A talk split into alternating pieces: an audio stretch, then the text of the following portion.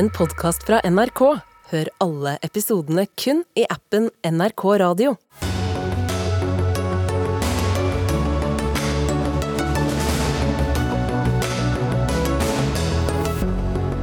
Regjeringen bygger E6 gjennom naturreservatet Lågendeltaet. Hyklersk, mener Haltbrekken. Den beste løsningen, sier Barth Eide.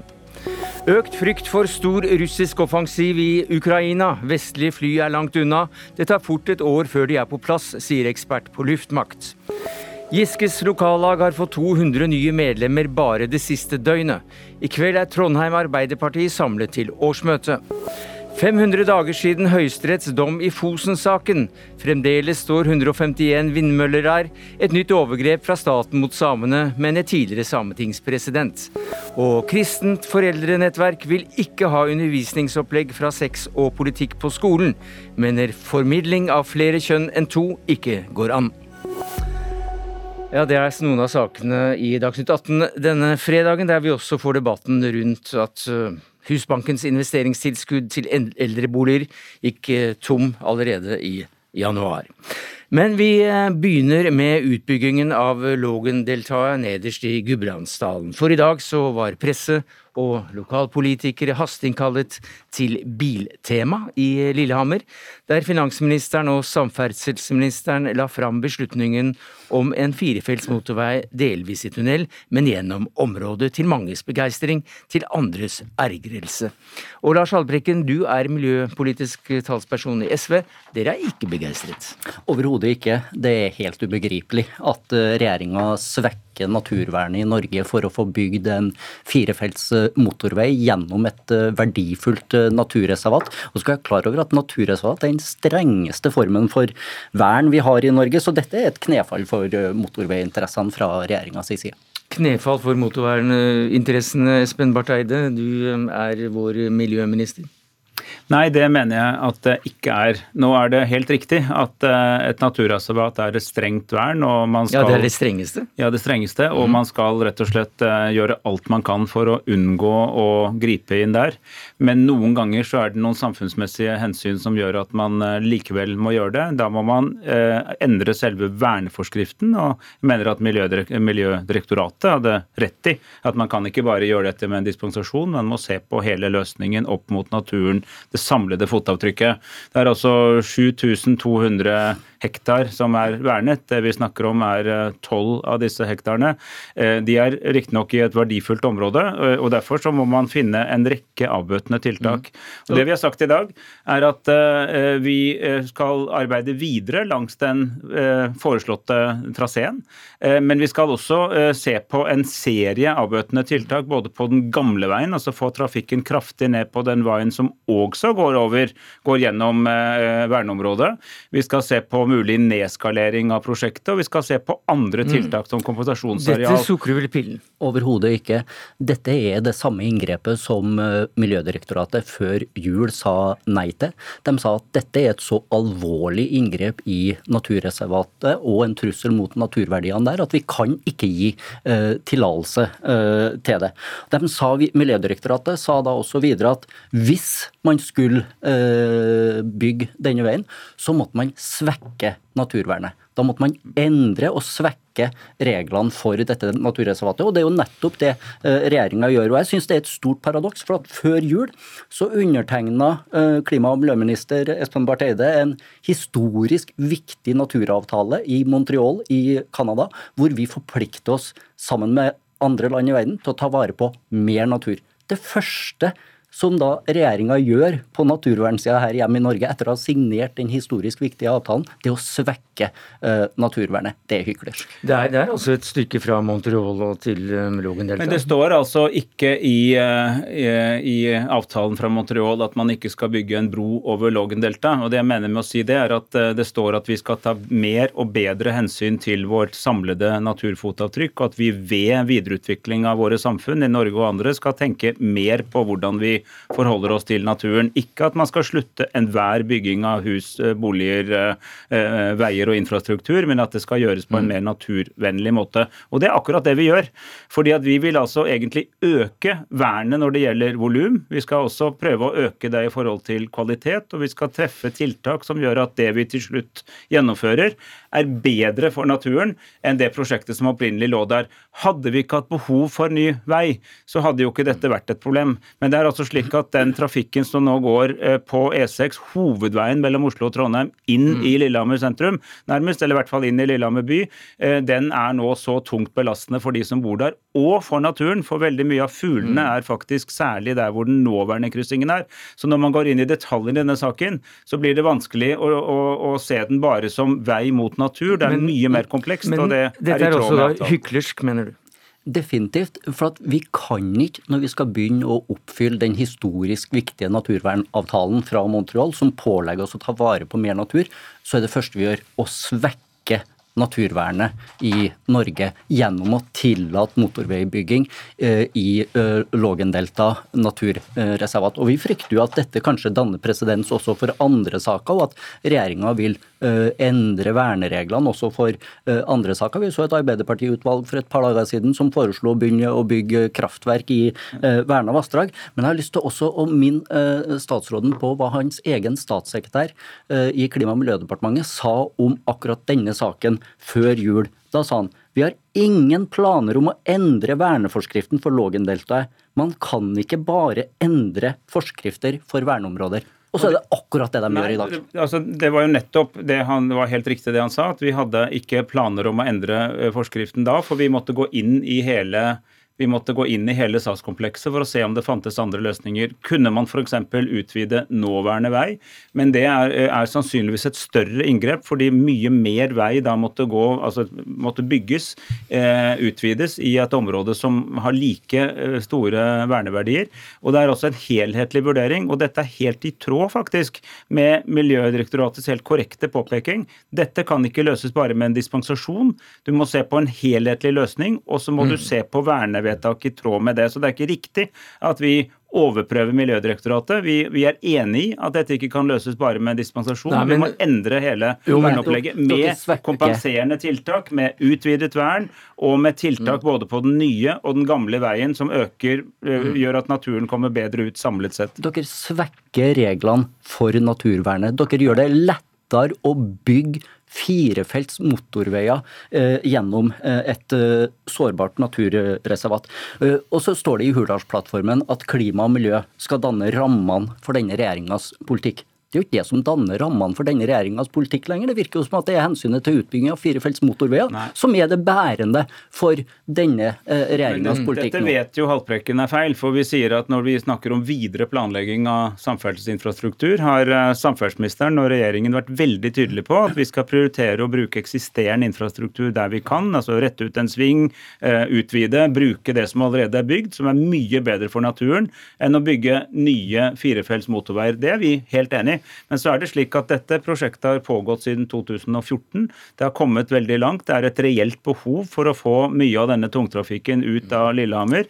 Og det er altså mye mer trafikk mm. der enn det man trodde da den nåværende veien ble bygd. Men, men, av og til la, må stille, man utvide la, la, meg stille deg et spørsmål, Espen Barth Eide. Unnskyld at jeg avbryter deg. Men eh, du er jo da den mannen i Norge som virkelig kan, kan si nei til slik utbygging, selv om eh, det er mange som er veldig for. Det, det er jo litt av din oppgave oppgaven er jo å være vår vaktbikkje på vegne av, av, både natur og klima og sånne ting.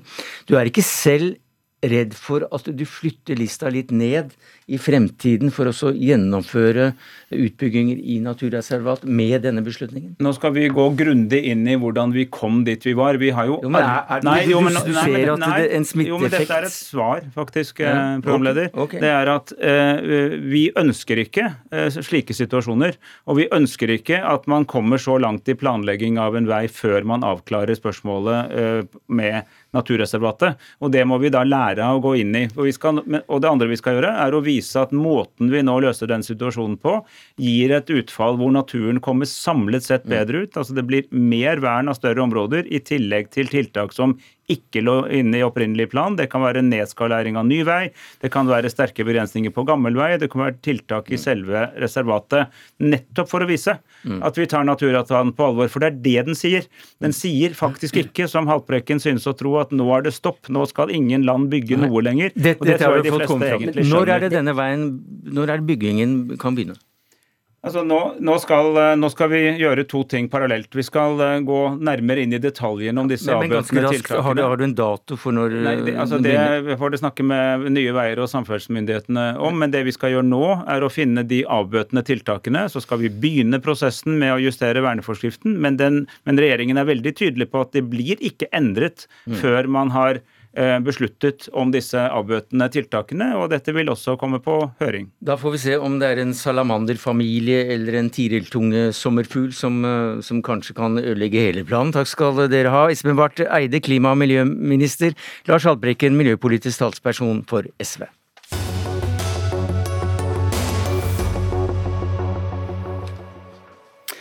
Så til eh, Ukraina, der eh, luftvernsirener har gjallet over eh, store deler av landet det siste døgnet.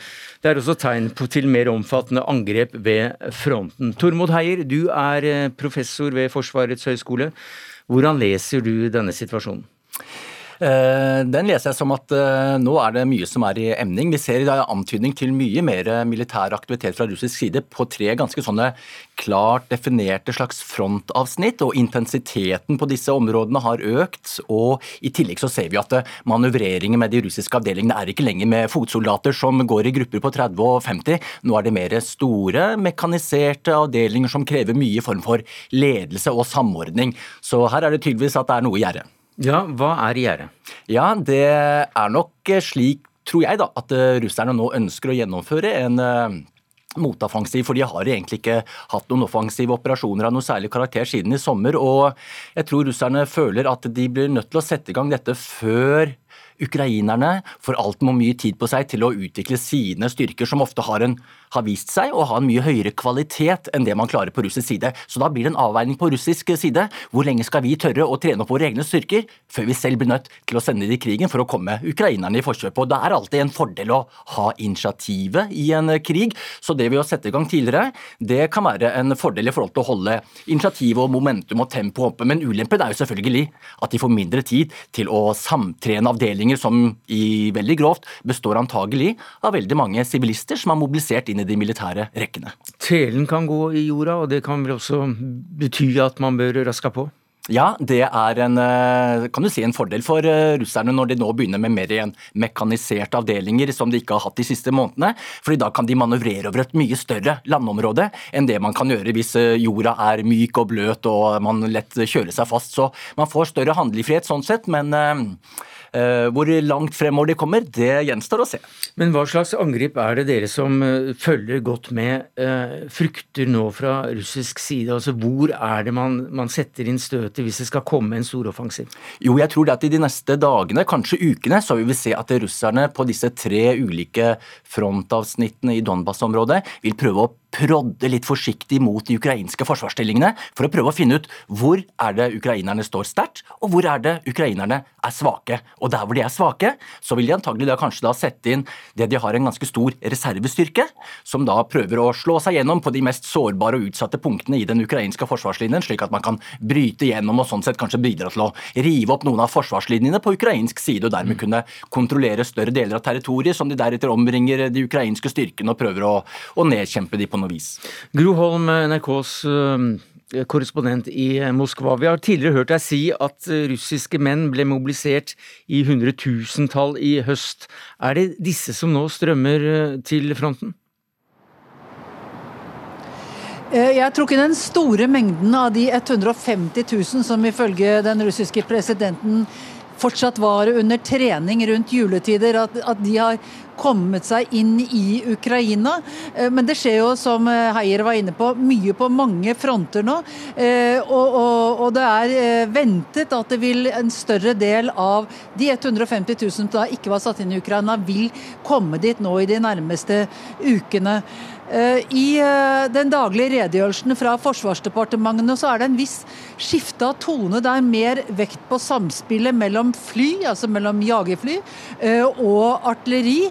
Og det er veldig mye vekt på at russerne nå ødelegger ukrainsk artilleri der. Litt mindre tall over drepte ukrainske soldater. Mer vekt på, på militær teknologi. Og mindre vekt på Wagner-gruppen. Og mindre vekt på Wagner-gruppen. Helt klart er allmenn oppfatning her nå at eh, det regulære forsvaret forsøker å ta styring også rundt eh, Bakhmut, som de her kaller Artjamovsk, eh, men at de forsøker å eh, parkere litt Wagner-gruppen fra det førersetet de har hatt her i perioder, i hvert fall PR-messig. Eh, så uh, Russland prøver også å kanalisere flest mulig beslutninger gjennom sine egne systemer, og ikke gjennom denne uh, outsourcinga for så som Wagner-gruppen representerte? Eh, det tror jeg er helt klart, og det har jo sammenheng også med at de har fått en ny øverstkommanderende for Ukraina. Det er den samme som det er forsvarssjef her, Gerasimov. Og, og jeg tror et, en av hans oppgaver er nettopp å ta en sentral styring, bedre koordineringen. Det har også vært helt eksplisitt. Og så får vi da se. Putin skal holde sin rikets tilstandtale den 21. februar. Det er på tirsdag, det ble klart i, i dag, eh, til da de folkevalgte. Og, og da ventet han der vil komme med tydeligere signaler om veien videre nå nå muligens også mer om den forventede våroffensiven. Og det er veldig mye spekulasjoner blant eh, sikkerhetspolitiske eksperter her. Når kommer den offensiven for alvor? Vil det være en klart politisk signal om at i dag starter det, eller vil det være mer en, en, si, en, en offensiv som ruller seg i gang? Eh, det, det, vet vi ikke, men den 21., altså neste tirsdag, blir en viktig dag eh, her i, her i Russland. Heier, hva kan det bety for krigens gang at eh, det virker som om det russiske forsvaret selv tar mer ansvar i denne krigen, og ikke overlater så mye til Wagner-gruppen? Jo, det tror jeg eh, hjelper både den russiske hæren og ikke minst eh, Putin selv. Eh, det betyr jo at legitimiteten i det russiske befolkningen til de russiske styrkene kan øke, fordi man kan synliggjøre at man selv har kontroll, framfor at disse outsourcede militsene, Wagner-gruppen, får stjele for mye av æren. Så jeg tror dette bidrar til å styrke legitimiteten innad, og for så vidt også kanskje motivasjonen til deres egne soldater. Gro Holm, vi hørte i gårsdagens eh, sending eh, at det var mye snakk om vestlige kampfly til Ukraina. Hvordan eh, oppfattes dette i Moskva?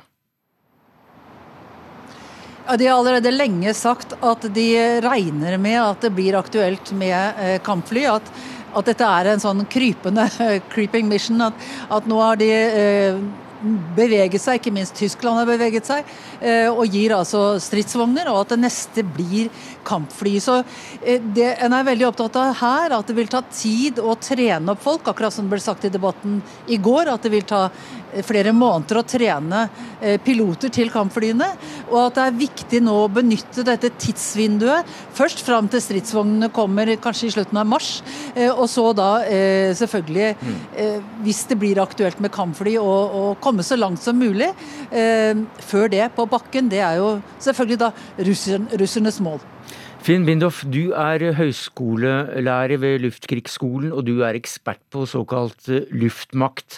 Eh, vi hørte Gro Holm eh, nevne her at det kan ta ganske lang tid før disse flyene eventuelt flys av ukrainske piloter på ukrainsk territorium eller i luftrom. Hvor lang tid vil det ta? Ja, Det er jo litt vanskelig å si, selvfølgelig. Det jo, kommer jo veldig an på hva Eh, hvilke type jagerfly man får. Og så kommer det jo veldig an på hvilket eh, oppdrag og altså hva man ønsker å oppnå. Eh, ønsker man å få fly i lufta for å gjøre enkle oppdrag, så vil det jo ikke ta så altfor lang tid. Det å lære å fly flymaskinen, det kan jo ta noen måneder, men det å faktisk lære å bruke flymaskinen eh, til faktisk å støtte inn nærstøtteoperasjoner eller ta ut eh, mål i lufta, vil ta betydelig lengre tid. Ja, for, for norske piloter som skal drive med slikt, eh, de går jo mange år i, i læra. Ja, mange, mange år. Og det er jo én ting å lære seg å bruke flymaskinen, og så er det jo å lære seg å bli god til å bruke flymaskinen. Um, og fly sammen med andre eh, i formasjon. Uh, og løse forskjellige oppdrag um, som uh, kan være komplekse oppdrag med mange titalls forskjellige fly. Ville du sluppet en pilot løs på et sånt fly med, med, det utstyret som man nå regner med at kan, kan være med innen et år? Det er jo ja, det er utrolig vanskelig å si. Det, eh, jeg har nok ikke noe svar på det. Eh, og det er jo vel kommer an på hvilket utstyr de får, mm. og hvilket fly det er snakk om. Men, men tilbake til da, hvilke fly og hva slags utstyr. altså eh, Hva innebærer det i praksis at Vesten skal støtte eventuelt Ukraina med kampfly? Altså, Hva følger med et slikt fly? Hva, hva, hva blir pakka? Ja, Det er et veldig godt spørsmål. Uh, fordi Det er jo ikke bare snakk om et fly og en pilot. Uh, flyet seg selv har jo mange forskjellige spesifikasjoner. Du snakker om hvilken rolle flyet har. Har han rollen til å skyte ned kun fly i lufta, eller har han en luft-til-bakke-rolle, um, som ble snakka om i går, blant annet. Eh, det er jo én ting. altså Hvilke våpen har flymaskinen? Eh, det kommer jo veldig an på hvilken eh, våpen som vil leveres med flyet fra Vesten. Det er jo ikke bare snakk om flymaskinen, for det vil jo ha mye å si på treningen til piloten og hva flyene vil være i stand til å gjøre. I tillegg til det da, så er det jo snakk om et stort apparat rundt flyet. Altså I Norge blant annet da, som opererer jagerfly, så er det jo mange hundre som jobber rundt et jagerfly. og det kan være rundt, teknikere. Rundt ett, rundt ett jagerfly? Ja, rundt ett jagerfly. Så jeg snakker om hvem Ja, altså mange hundre i, i en skvadron, da. Ja. Altså, men um, det er jo snakk om uh, pilot, eller teknisk logistikk, ammunisjon, fuel, sånne ting. Flyplassdrift. altså Mye av det kan man jo tenke seg at de har i Ukraina, fordi de har jo noen gamle sovjetiske jagerfly. Uh, men det vil jo medføre seg ganske mye mer å bare få et jag vestlig jagerfly. Men hva kan da et, eh, et, vestlig bidrag i form av eh, flere jagerfly gjøre i en slik krig som, som vi nå er vitne til? Ja, jagerfly er jo et eh, voldsomt slagkraft. Altså, det er jo en våpenplattform som kan brukes til veldig mye. Um, luftens domene medfører jo at høyde, hastighet og rekkevidde, altså det land- og sjøstykker ikke har, er jo en stor fordel. Det å komme seg opp i lufta og komme seg langt. Det betyr at man kan levere presisjonsild eh, fort og nesten overalt til enhver tid. Eh, det jo, vil kunne gi Ukraina en enorm fordel. Men så er det jo det som mange har snakket om før òg, at den store luftverntrusselen i Ukraina gjør jo at det er nesten umulig å operere fly i, i området. Ja, fordi man kan risikere å skyte ned sine egne fly? Eh, ja, uh, Ukraina har jo fått luftvern fra bl.a. Vesten. De har noe sovjetisk òg. Og det er jo kanskje ikke veldig godt trente ukrainske operatører som kan potensielt skyte ned egne fly, og da disse vestlige flyene. Så har du jo russisk kamp, altså luftvern, som russerne har jo på en måte vært veldig gode på. Vesten har alltid vært god på jagerfly, så har det på en måte pendelsvingt at uh, russerne har vært gode på luftvern. Så man tenker kanskje, Sverre Isen sa i går, og at uh, det er jo tenkt at det her kan være jagerfly nær støtte til stridsvogner og bakkepersonell, men det her er jo personell som vil være veldig nærme fronten, hvor luftvernet til Russland er veldig effektivt. da. Takk skal du ha, Finn Bindhoff. Du er ekspert på luftmakt. og ved Luftkrigsskolen. Takk til deg, Tormod Heier, professor ved Forsvarets høgskole, og til deg, Gro Holm, vår kvinne i Moskva.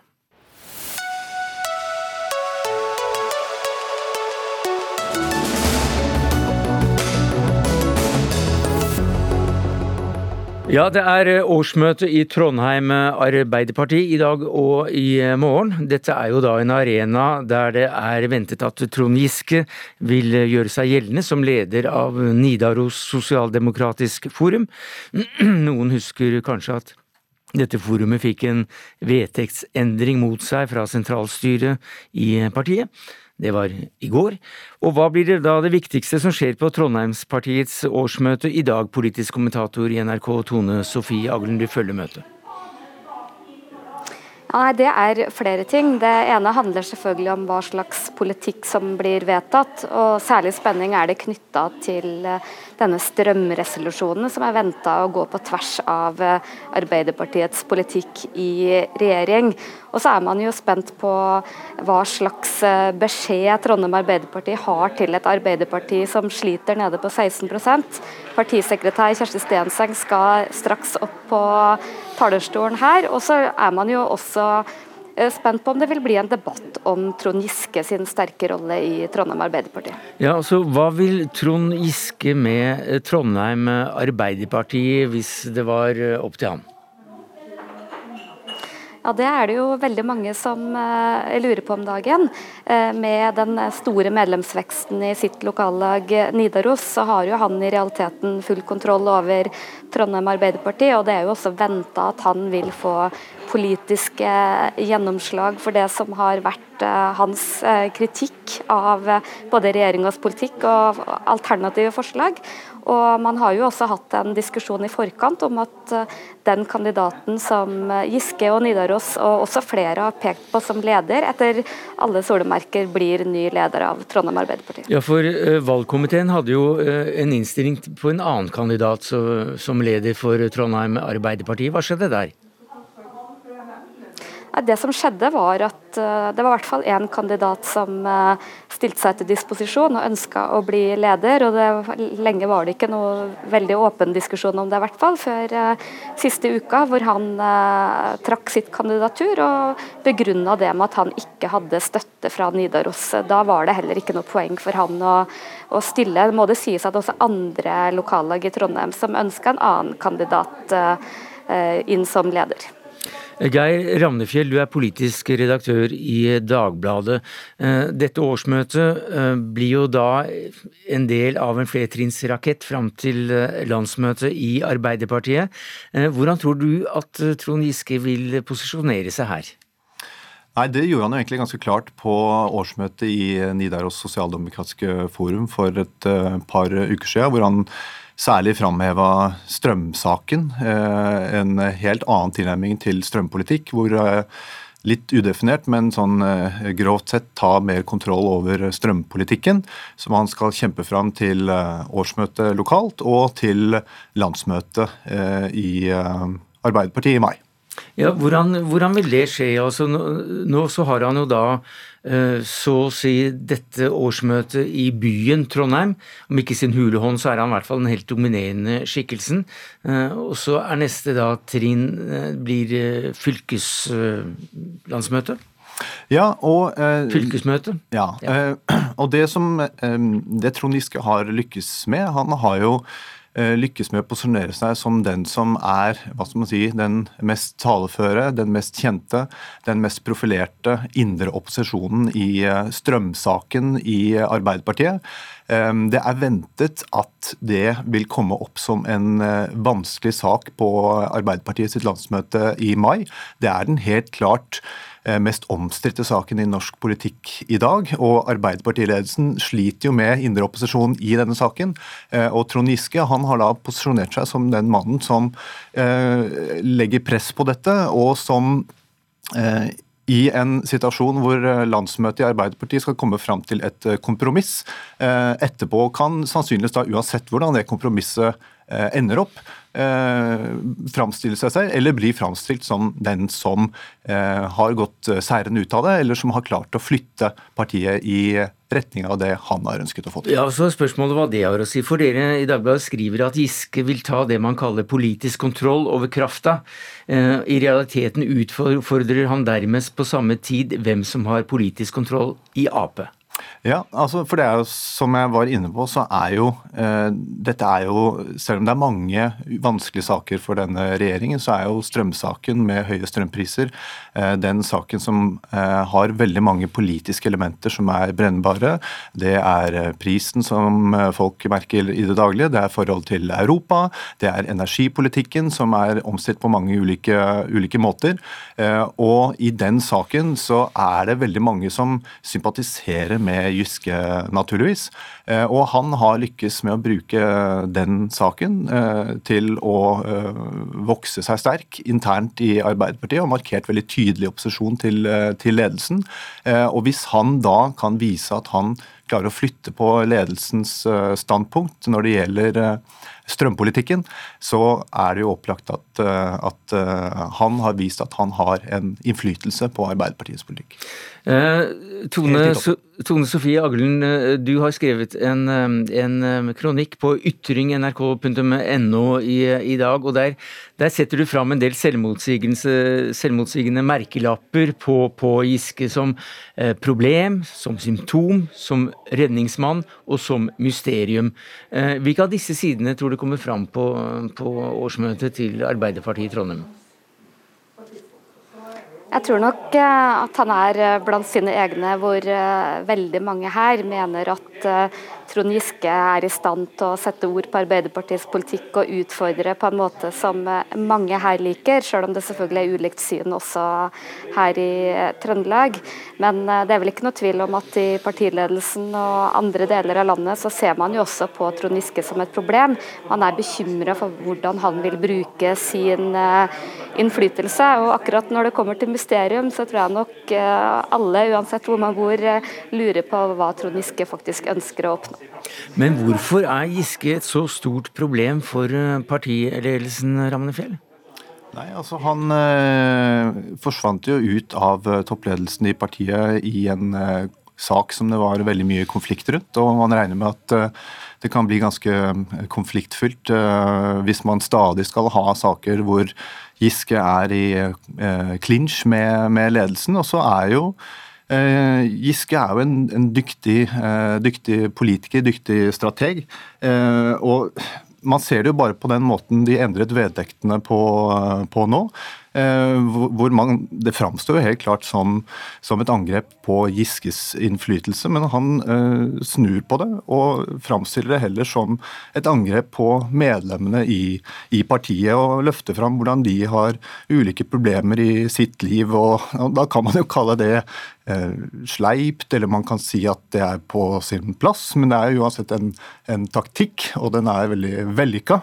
Eh, og Giske er jo en type som er god på å bruke eh, store ord, store, sterke virkemidler i politikken. I, eh, nå i helga så la han ut en en Facebook-post hvor han eh, etter Dagsnytt 18-sendingen her eh, gikk ut mot eh, det han kaller for hatmeldinger, og sa at man må møte hat med, med, med det motsatte, og la ut et bilde av Nelson Mandela.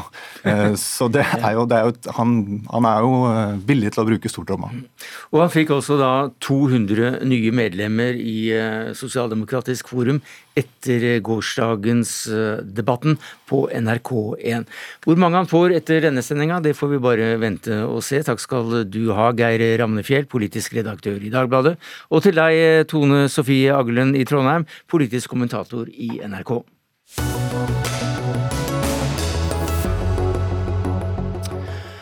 Ja, mandag var det samenes nasjonaldag. Da var det mye støtte å hente fra det offisielle Norge, men selv, selv, hevder sterke røster at det fremdeles er en lang vei å gå før storsamfunnet behandler minoritetsbefolkningen skikkelig bra.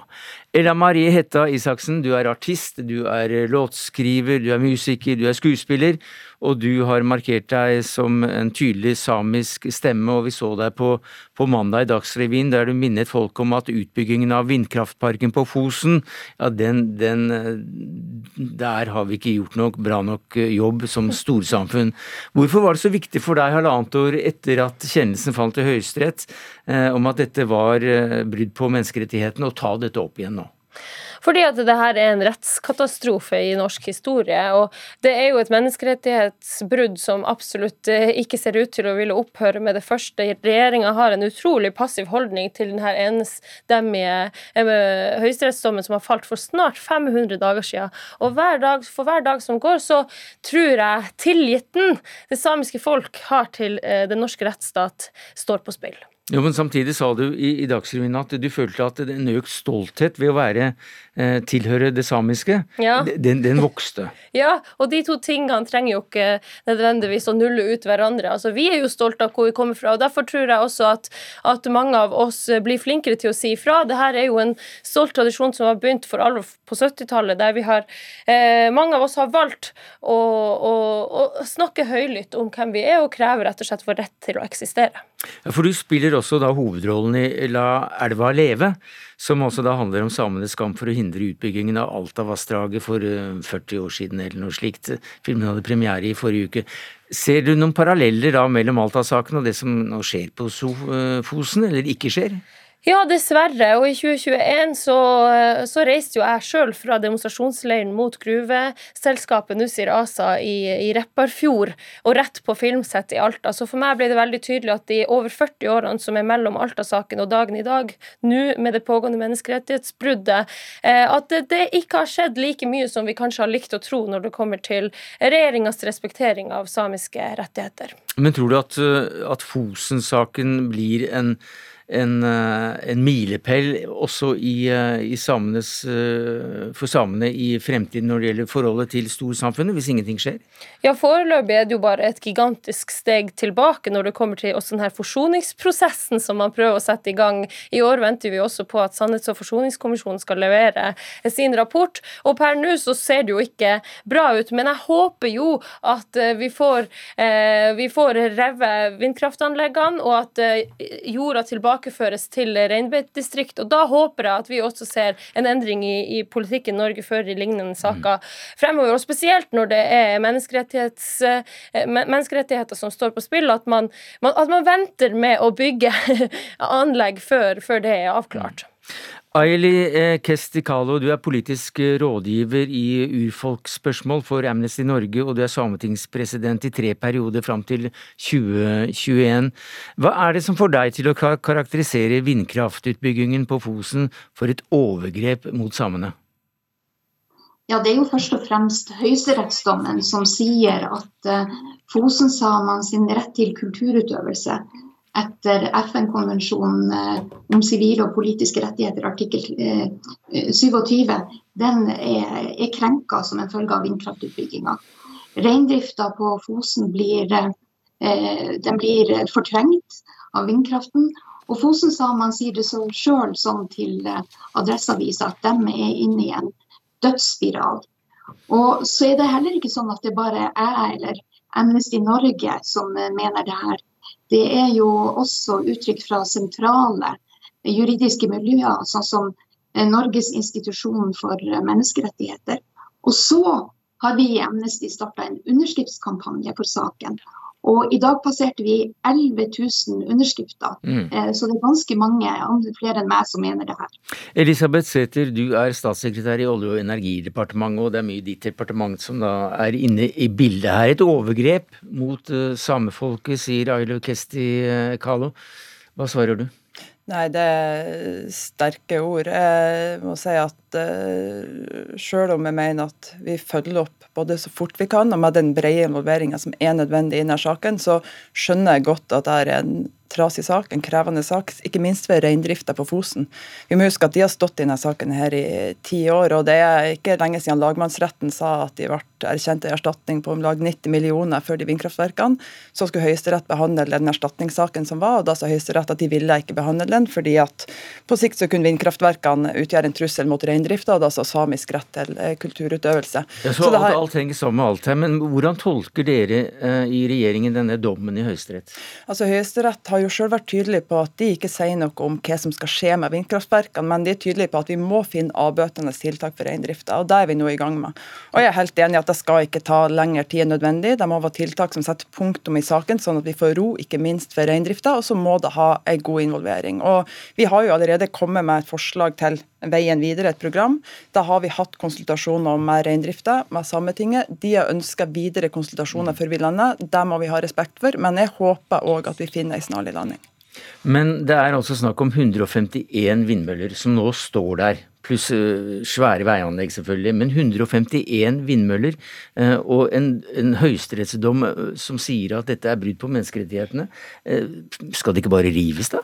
Høyesterett har jo nettopp vært tydelig på at de ikke sier hva som skal skje med vindkraftverkene. Nei, men hva sier regjeringen? Det er jo departementet ditt som liksom er mest inne her. Absolutt, og vi er nødt til å finne avbøtende tiltak som gjør at vi ikke truer eh, reindrifta sin mulighet til å drive kulturutøvelse, altså reindrift eh, på Fosen. Det er vi nå i gang med. Det er ikke en prosess som skal ta lengre tid enn mm. nødvendig. Samtidig så er jeg opptatt av at vi finner en løsning som setter punktum for saken, sånn at ikke minst reindrifta slipper flere runder i retten, men at vi får, eh, får en landing. Men, men skal uh, disse rives, eller skal de driftes, disse 151 eh, vindmøllene? Jeg skal ikke sitte her og utelukke at uh, riving av turbiner kan bli en løsning. Det kan det fort bli, men vi er i en prosess med å finne de mm. avbøtende tiltak som sikrer at vi fortsatt kan ha reindrift på Fosen. Det kan fort bli slik at man river det, Kristi Kalo, hva sier du til det?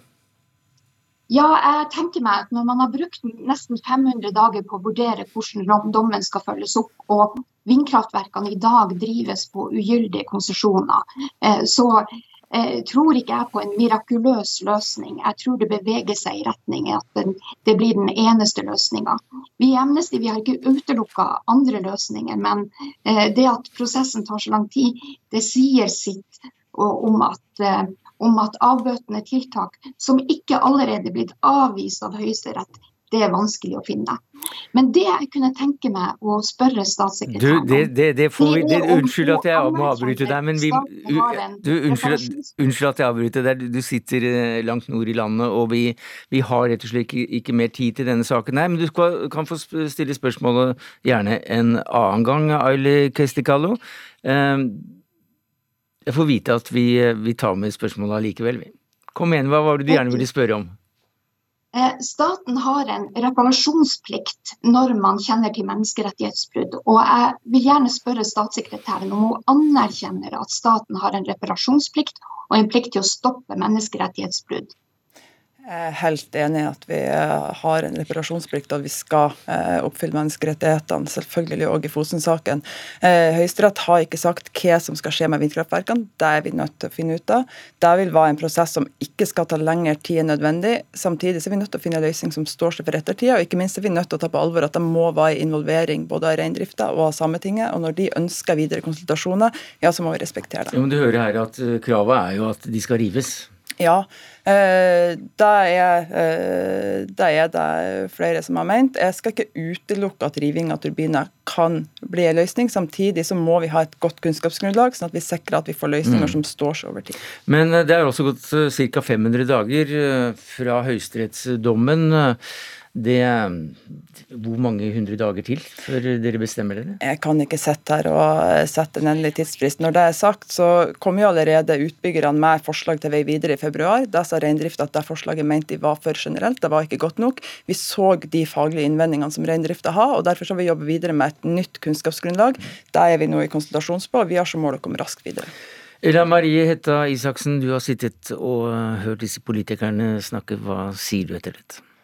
Jeg håper bare at vi ikke glemmer menneskene som, som blir påvirka av det her. Og jeg får daglig meldinger av unge reindriftssamer som sier at de opplever at staten Norge ikke ønsker å ha dem. At de er i veien, og at, og at det, det, ikke er noe fremtid for dem i, i det politiske landskapet som utspiller seg foran oss her. Og det det er ingenting som opprører meg mer, og øverst på lista, hvis vi skal komme oss noe som helst videre i en forsoningsprosess mellom det samiske og det norske, så er det at de, de pågående overgrepene mot, mot vårt folk stanser nå. Men du hørte jo her at det var en sterk åpning for at man faktisk river disse vindmøllene? Det, det, det, er vel nye takter? Jeg vet ikke om det er en sterk åpning. Sånn som jeg tolker regjeringa, det har gått så mange hundre dager, og dagene fortsetter å gå.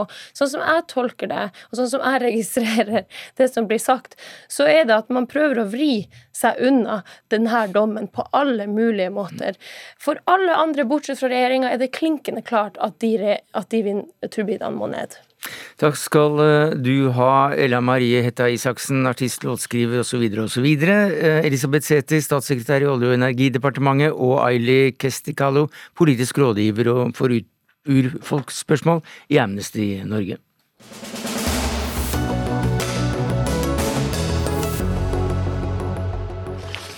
Ja, uke seks går mot eh, slutten, og det gjør også undervisningsopplegget uke seks, der eh, skoler konsentrerer seg om dette populære, eller flaue, litt pirrende temaet.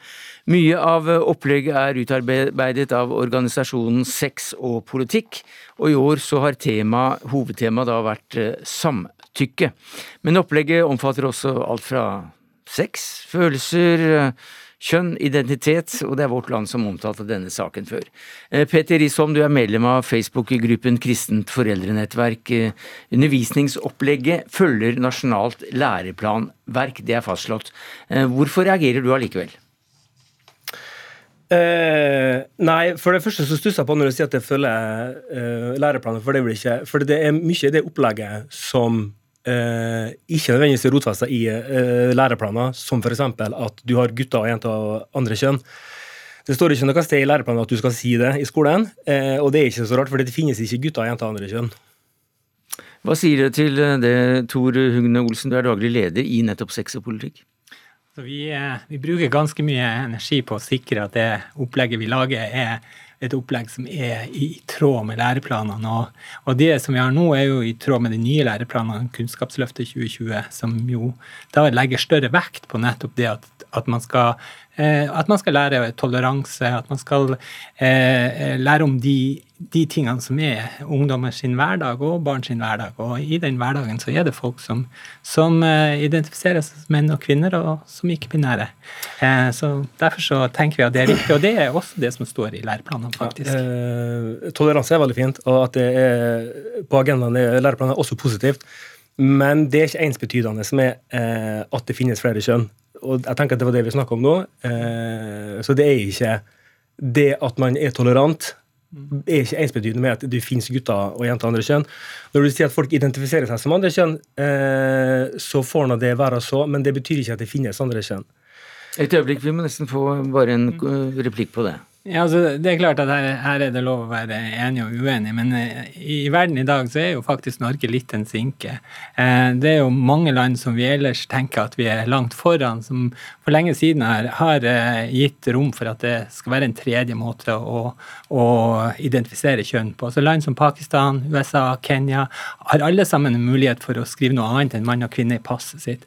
Men så er det klart at, at eh, eh man kan ikke komme bort fra en virkelighet der der det er folk som ikke ønsker å identifisere seg med det kjønnet de ble gitt ved fødselen, og at det er folk som praktiserer sitt kjønn på forskjellige måter, og folk som kanskje tenker at de er begge mm. kjønn, eller at de ikke tilhører noen. Det er en virkelighet i dag. Så, så, har også dere reagert på at eh, man i år da bruker mye tid og energi på å, å lære om samtykke. Og vi skal se litt på, på den tegnefilmen som noen kan bruke på noen skoler.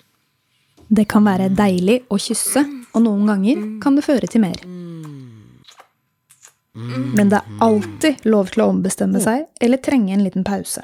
Og noen ganger har man bare lyst til å kysse uten at det fører til mer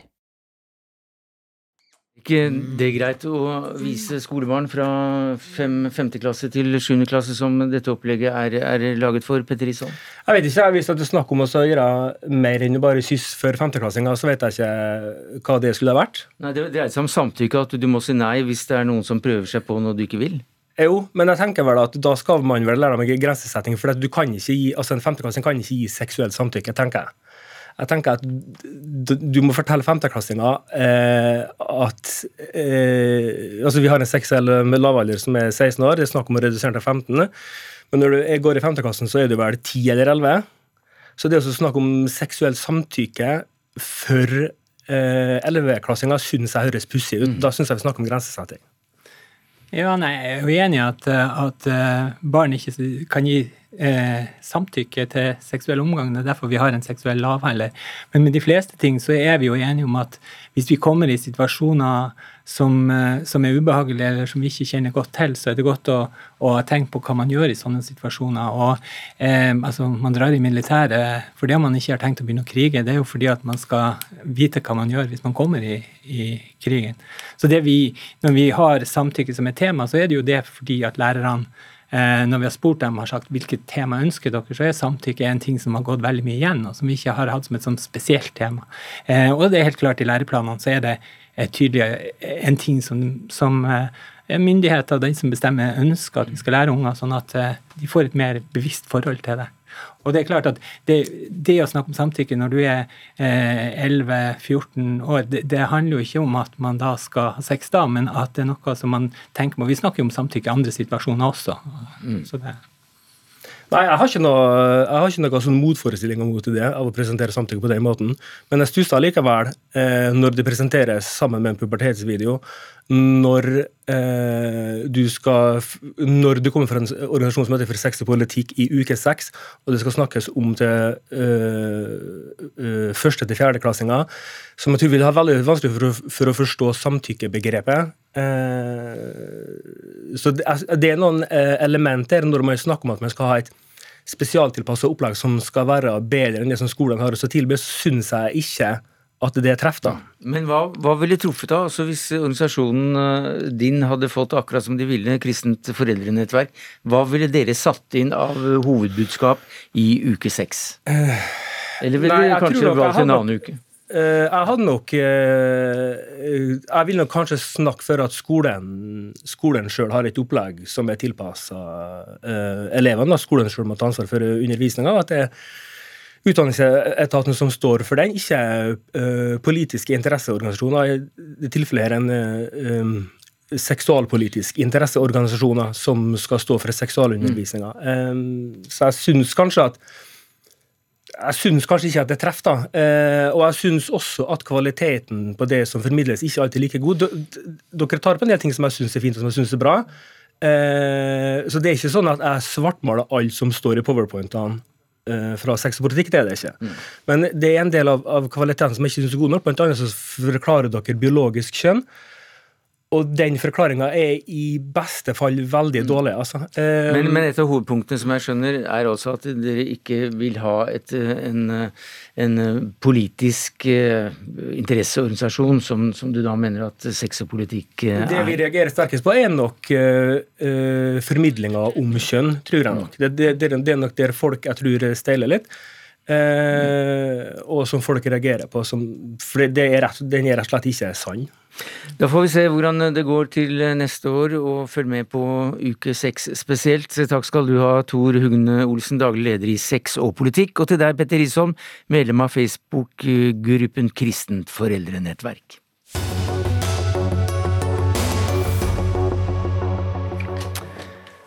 Husbankens investeringstilskudd er eh, neste tema, og det er viktig nok, for disse pengene er en eh, De skal da støtte kommunenes bygging av, eh, av sykehjem og omsorgsboling, og også en oppgradering av den slags. Nå viser det seg at midlene som er satt av til nye investeringstilskudd for hele året 2023, allerede er brukt opp ved utgangen av januar 2023. Hovedsakelig på prosjekter som da søkte støtte i fjor. Og Bård Hoksrud, du er stortingsrepresentant for Frp. Dette synes du er urimelig? Ja, det er jo det, fordi vi vet at vi trenger flere sykehjem, omsorgsboliger. Og det er altså sånn, Hvis du trenger en skoleplass, er det ingen som stiller spørsmål om når du begynner i første klasse, skal du få den skoleplassen eller ikke. Men når du altså blir eldre, trenger en sykehjemsplass, trenger en plass med heldøgns pleie, så er det sånn at om kommunen har mulighet til å gjøre det eller ikke, det er det som avgjør om de har penger til å gjøre det, og om de har en plass. Det er derfor det er tragisk at man nå altså bare får bygge 500 plasser i realiteten er det egentlig 337 plasser i år. Eh, og behovet er jo enormt mye større. Vi har jo sett Brennpunkt. Karin, Sverre eh, og Lilly som ikke fikk sykehjemsplass før Brennpunkt lagde en sak på det. Og sånn er det mange rundt omkring i landet. Derfor er dette uakseptabelt. Og regjeringa, Arbeiderpartiet og Senterpartiet vil jo egentlig ikke bevilge penger til noen ting i år. Og det er altså fjorårets plasser som nå fylles opp med penger for i år. Ja, det er altså da pengene som skulle uh, bli gitt ut i år, er jo da allerede brukt ut fra søknaden i fjor. Ja. Så det er ingen, ingen, nye, egentlig. Eller de sier nesten alt har gått til plasser som det ble søkt om i 2022, som ikke fikk eh, søknadene innvilga, som nå blir innvilga. Og det betyr altså at det blir ingen nye i 2023. Cecilie Myrseth, stortingsrepresentant for Arbeiderpartiet, er det en villet politikk? Nei, men jeg vil jo si at det Bård Hoksrud sier nå, er jo villedende politikk. Fordi, eh, fordi, det stemmer ikke at det ikke kommer nye plasser. Jeg er veldig glad for at nå 50 kommuner har fått, eh, fått ja til sine prosjekter som settes i gang. I tillegg så er det jo eh, ganske mange prosjekter som ikke er ferdigstilt, som har fått eh, midler. Vi bruker jo også eh, 2,3 milliarder kroner bare i 2023 på sykehjemsplasser som ikke er ferdig. 4300 plasser er enda ikke ferdigstilt av de som har fått penger. Og så tenker jeg at det blir veldig enkelt og hver gang det er en utfordring, eller hver gang pengene er brukt opp, å komme og være Frp og si at vi har en eh, magisk krukke med penger. Det er bare å dra mm. opp en ny milliard gang etter gang. Sånn er det ikke. Det blir bygd sykehjemsplasser også i 2023. Og så er det ikke like mange som man skulle ønske, men så tenker jeg at vi må gjøre tøffe prioriteringer. Ja, vi kan, må gjøre tøffe prioriteringer hele tida. Mm. Det har vi gjort. Eh, og så må vi komme tilbake Nei, et øyeblikk, Nå må vi nesten få inn Hoksrud. Ja, fordi det er, det er ikke villedans, dette. Det er altså de plassene som er søkt om tidligere. Det var bl.a. Frp hadde bevilga altså 3,8 milliarder kroner i gjennomsnitt de syv åra vi satt i regjering. Eh, og så er det altså sånn at Nå er det redusert til 500 plasser. Den gangen var det over 2200 plasser i gjennomsnitt. Det som jeg syns er trist, er at vi sitter og diskuterer eh, om pengene, men realiteten altså at det er mange mennesker der ute som ikke får den plassen. Vi har pårørende som er kjempefortvila. Hver eneste uke så får jeg telefoner fra pårørende som er frustrerte over at kommunen ikke har plass. Og så sitter man nå og mm. bevilger penger til under, fem, under 500 plasser. Vi er, vi er, alle sammen enige om at vi har eh, utfordringer i eldreomsorgen, og de må vi ta tak i på mange plan. Og forhåpentligvis så skal vi også gjøre det eh, i større grad sammen enn at vi skal sitte her og diskutere Eh, alt mot eh, hverandre. Vi vet at vi kommer til å mangle mye helsepersonell. Det kommer til å være den kritiske faktoren fremover. Det betyr at vi også kommer til å tenke annerledes på hvordan vi driver helse og omsorg. Men Cecilie Myrseth, unnskyld at jeg avbryter deg igjen, men det er ikke temaet i dag. For temaet i dag er altså at disse pengene som skulle gå til kommune, eh, utbygging i kommunene av eldresentre og, og boliger etc., de pengene er allerede brukt opp i januar 2023. Og hva kommer det av? Nei, Det kommer jo at det er selvfølgelig høy pågang og mange kommuner som ønsker å ha det tilskuddet. Eh, og Derfor er det jo bra at 50 av de 54 som nå hadde søkt, eh, faktisk også har eh, fått det. Og så må vi selvfølgelig komme tilbake både når det kommer til revidert og, eh, mm. og det ordinære budsjettet og se Akkurat, om man skal, det kan, skal inn. Det kan komme mer penger i revidert? Altså Det er jo selvfølgelig eh, pågående eh, diskusjoner. Dere vet nok at vi har mange eh, utfordringer i helsesektoren som også trenger penger, så det vil jo være prioriteringer mm. selvfølgelig satt opp mot hverandre. Men, men, det er jo sånn at dette er en tilskuddsordning til kommunene. Vi har jo fremdeles kommunalt ansvar for, for eldreomsorgen. Dette er et av statens bidrag for å få mm. det på plass. Men det er viktig at jeg får sagt at det er ikke kun institusjonsplasser og heldøgns omsorgsplasser vi skal bygge. Vi vet at det kommer til å bli såpass mange eldre fremover, og da trenger vi en egen reform på bo trygt hjemme. Den kommer i løpet av våren. Og så må jeg få lov til å arrestere un, Unnskyld at jeg igjen avbryter deg, for det er ikke det vi snakker om. Vi nei, snakker om nei, men vi snakker om disse pengene som er blitt mm. brukt opp allerede, og det er det som dere er invitert til å ta opp her i eh, Dagsnytt 18. Men eh, Bård Hoksrud, du mener da antagelig at det skal mye penger til du da i revidert, og sitter på sidelinjen. Du kan bare pumpe opp siden du ikke er i posisjon? Jo, men Det handler ikke bare om å pumpe opp, for det handler om å se på hva har man faktisk gjort. og Da ser man at Fremskrittspartiet også ga tilsagn til 2200 plasser. I år ble det gitt tilsagn til 500 plasser. Det er jo langt, langt unna. Men det handler om vilje til å prioritere eldreomsorg. Det har Fremskrittspartiet vist at vi vil. Nei. Og så blir jeg bekymra når, når Cecilie Myrseth sier at vi skal gjøre ting på en annen måte. Det hjelper ikke for alle de der ute som trenger sårt den sykehjemsplassen. Ja. Det var 700 som nå sto på venteliste som egentlig skulle hatt en sykehjemsplass Men- eller heldøgns pleieplass, som ikke får det i Norge. Det er det Fremskrittspartiet er bekymra for. Så får vi gjerne ta den diskusjonen om penga, men vi trenger altså plassene. Myrseth, kan ikke du ta 20 sekunder, så får du ordet. Det er altså sånn at om du sjekker nå faktisk.no, som har sjekka ut dine, på, eh, på, eh, dine uttalelser, Bård, så er det sånn når dere satt i regjering, så ble det bygd færre sykehjemsplasser enn det gjør nå. Det er fakta, det kan du forholde deg til eller ikke.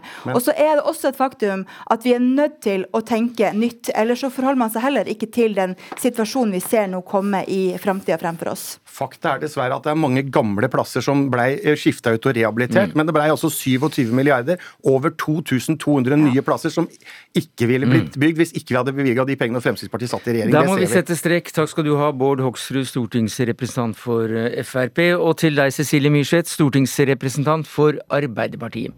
For det var det vi rakk eh, denne uka. Ansvarlig for det hele i dag var Gro Arneberg. Det tekniske ansvaret hadde Ragnhild Bjørlykke. Jeg heter Sverre Tom Radøy. Vi ses mandag.